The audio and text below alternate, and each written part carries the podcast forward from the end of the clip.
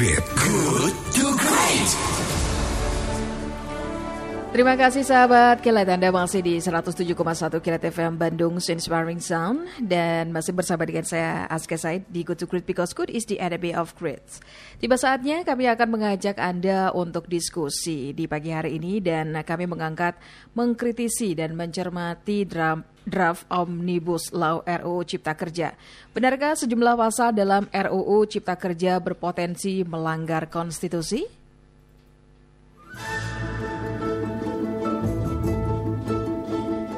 Iya, sahabat kelet gelombang aksi penolakan terhadap draft Omnibus Law RUU Cipta Kerja terus bergulir.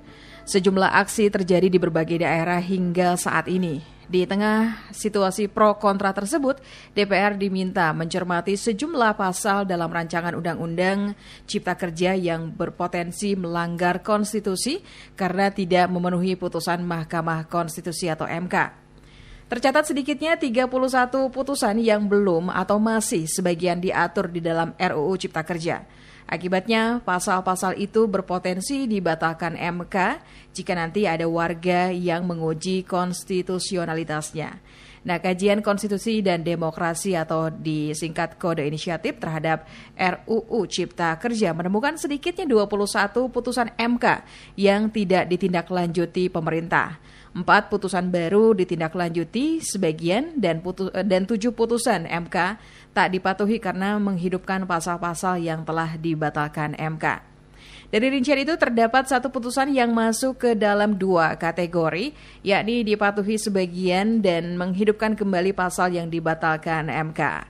Peneliti Kode Inisiatif Rahma Mutiara menyebutkan jumlah pasal yang telah diberi tafsir ulang oleh MK dihapus dalam RUU Cipta Kerja.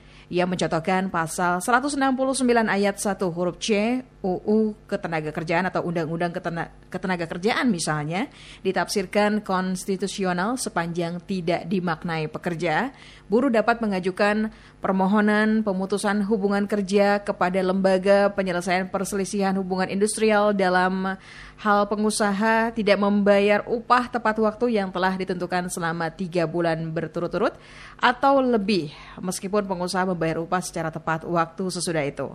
Namun pasal itu dihapus dalam RUU Cipta Kerja. Nah sahabat kelet guna mengupas tuntas mengenai perbincangan kita di diskusi kita pagi hari ini kami menghadirkan narasumber kita yaitu Rahma Mutiara dari Koordinator Bidang Konstitusi dan Ekonomi Kajian Konstitusi dan Demokrasi atau kode inisiatif.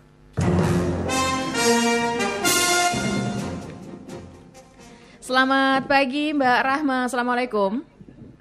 Waalaikumsalam, selamat pagi Mbak Aska. Iya, apa kabar Mbak Rahma? Alhamdulillah luar biasa hari ini. Wow, luar biasa. Iya Mbak Rahma, kita ngobrol sebentar nih.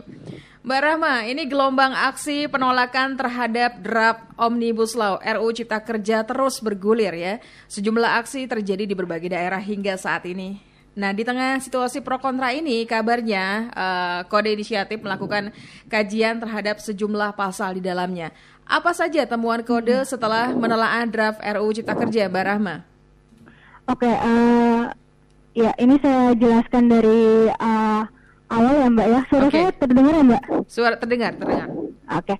Ya, uh, seperti yang kita ketahui dari 79 undang-undang yang memang tercantum dalam RUU Cipta Kerja ini ada 29 undang-undang yang telah pernah diujikan di Mahkamah Konstitusi. Uh mhm. -huh. Seperti yang disebutkan tadi paling tidak ada 30 putusan MK yang ternyata tidak diajukan dalam pemerintah dalam menyusun substansi RUU eh, Cipta Kerja ini. Kami membaginya menjadi tiga klaster yang pertama, di mana putusan MK tidak ditindaklanjuti dalam uh, eh, RUU Cipta Kerja, ini berkaitan dengan memang uh, tidak diaturnya putusan-putusan uh, pasal-pasal yang sudah ditafsirkan MK ataupun kemudian dibatalkan oleh MK ini tidak diaturkan, tidak uh, kemudian diubah dalam RUU Cipta Kerja ini. Yang kedua, uh, ini kategori terkait dengan putusan MK yang ditindaklanjuti secara parsial atau uh, sebagian saja. Dan kategori yang ketiga ini adanya muncul pasal-pasal zombie di mana pasal-pasal yang telah dibatalkan oleh MK yang dinyatakan bertentangan dengan uh, konstitusi dihidupkan kembali oleh uh, pemerintah dalam RUU Cipta Kerja. Mm -hmm. Uh, Oke, okay. di kategori yang pertama ini seperti yang tadi Mbak Aska udah sebutkan bahwa memang ada salah satu catatan yakni di putusan MK nomor 55 tahun 2011 yang membatalkan uh, yang menyatakan pasal 169 ayat 1 ini tetap konstitusional dengan beberapa syarat. Namun kemudian pemerintah menghapuskan uh, secara keseluruhan pasal 169 Undang-Undang Ketenagakerjaan ini. Sebenarnya hmm. secara uh, general pasal 169 ini terkait dengan permohonan PHK yang bisa dilakukan oleh buruh ketika uh, buruh atau pekerja ketika pengusaha bertindak sewenang-wenang. Hmm. Namun kemudian pemerintah menghapuskan secara keseluruhan pasal ini. Ini kan kemudian membatalkan uh, hak yang memang Mahkamah Konstitusi diperbolehkan oleh uh, perbolehkan uh, untuk mengajukan permohonan PHK, namun kemudian uh, hak tersebut dihapus oleh uh, pemerintah karena tidak adanya lagi pasal 169 ini. Memang di RU Cipta Kerja ini terkait uh, PHK hanya disebutkan bahwa PHK dapat terjadi jika pengusaha melanggar uh, atau membuat kerugian terhadap pekerja. Namun ini tidak diberikan secara teknis apakah memang PHK uh, eh, terkait ini dapat dimohonkan oleh buruh atau pekerja tersebut atau seperti apa. Mm-hmm. Ini kan kemudian hmm, tidak mengakomodasi secara keseluruhan apa yang sudah disebutkan MK. Padahal MK bilang kalau misalnya permohonan PHK itu merupakan haknya pekerja juga gitu. Betul, betul. Gitu. Iya, seperti itu. Yang Mbak Rahma ini kan tadi Anda menyebutkan salah satu contohnya adalah pasal 169 tadi ya ayat 1. Hmm, iya, ini iya. seberapa besar uh, dampak yang berpotensi kepada para pekerja menurut Anda?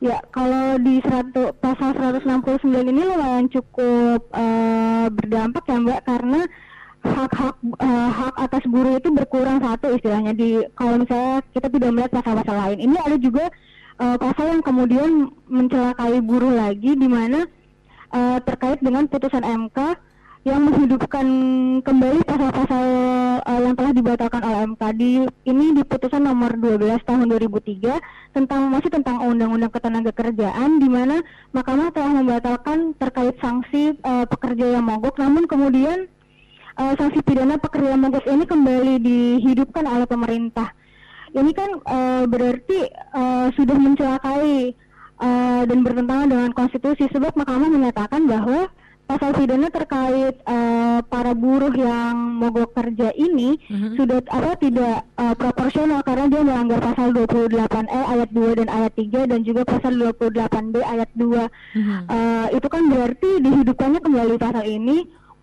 uh, memungkinkan sekali pasal ini tuh sangat bertentangan dengan undang-undang seperti uh, yang su sudah saya sebutkan tadi. Iya, inilah itu, salah satunya yang memicu gelombang aksi penolakan iya, terhadap betul. hal tersebut ya, Mbak Rahma ya. Oke, okay, iya, Mbak Rahma, ini jika memang dari temuan kode sejumlah pasal uh, dalam draft RUU Cipta Kerja berpotensi melanggar konstitusi karena tidak memenuhi keputusan uh, Mahkamah Konstitusi, uh, itu ya. artinya apa bagi Anda, bagi kode? Oke, okay, uh, eh, ini kami mengartikan bahwa itu berarti dalam penyusunan uh, eh, RUU Cipta Kerja, pemerintah sama sekali tidak menghargai apa yang sudah Mahkamah lakukan.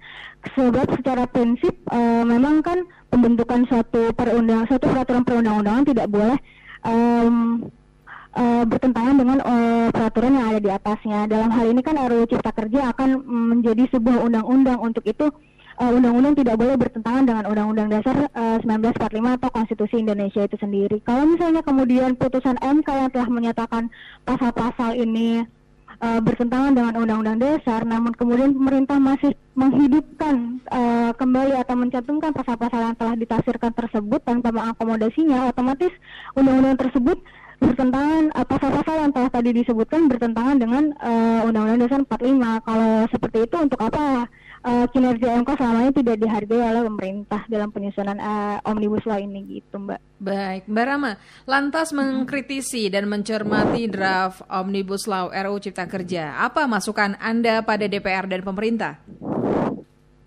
Oke, uh, ini yang pertama uh, kami berharap bahwa Presiden dan DPR harus menjunjung tinggi nilai-nilai konstitusi dan memastikan secara keseluruhan pasal-pasal yang dicantumkan dalam RUU Cipta Kerja ini konstitusionalitas paling tidak. Kalau misalnya mereka tidak mau menyocokkan satu-satu dengan uh, prinsip-prinsip uh, yang ada di konstitusi kita paling tidak akomodasi segala uh, putusan MK yang telah uh, MK kerjakan selama 16 uh, kurang lebih 16 tahun ini melalui uh, tafsiran-tafsirannya itu kan sudah sangat jelas ya Mbak guideline-nya ada uh, seperti apa dan uh, pasal-pasal apa saja yang sudah uh, dinyatakan bertentangan oleh konstitusi.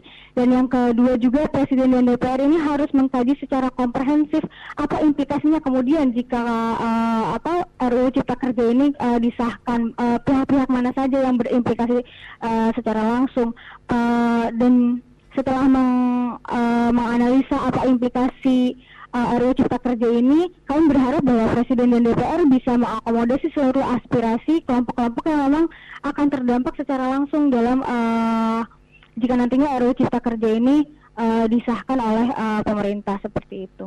Baik, Mbak Rahma. Uh, antisipasi apa yang harus dilakukan menurut Anda agar uh, dampak dari atau gelombang aksi dari uh, pro kontra yang terjadi pada Omnibus Law uh, RUU Cipta Kerja ini?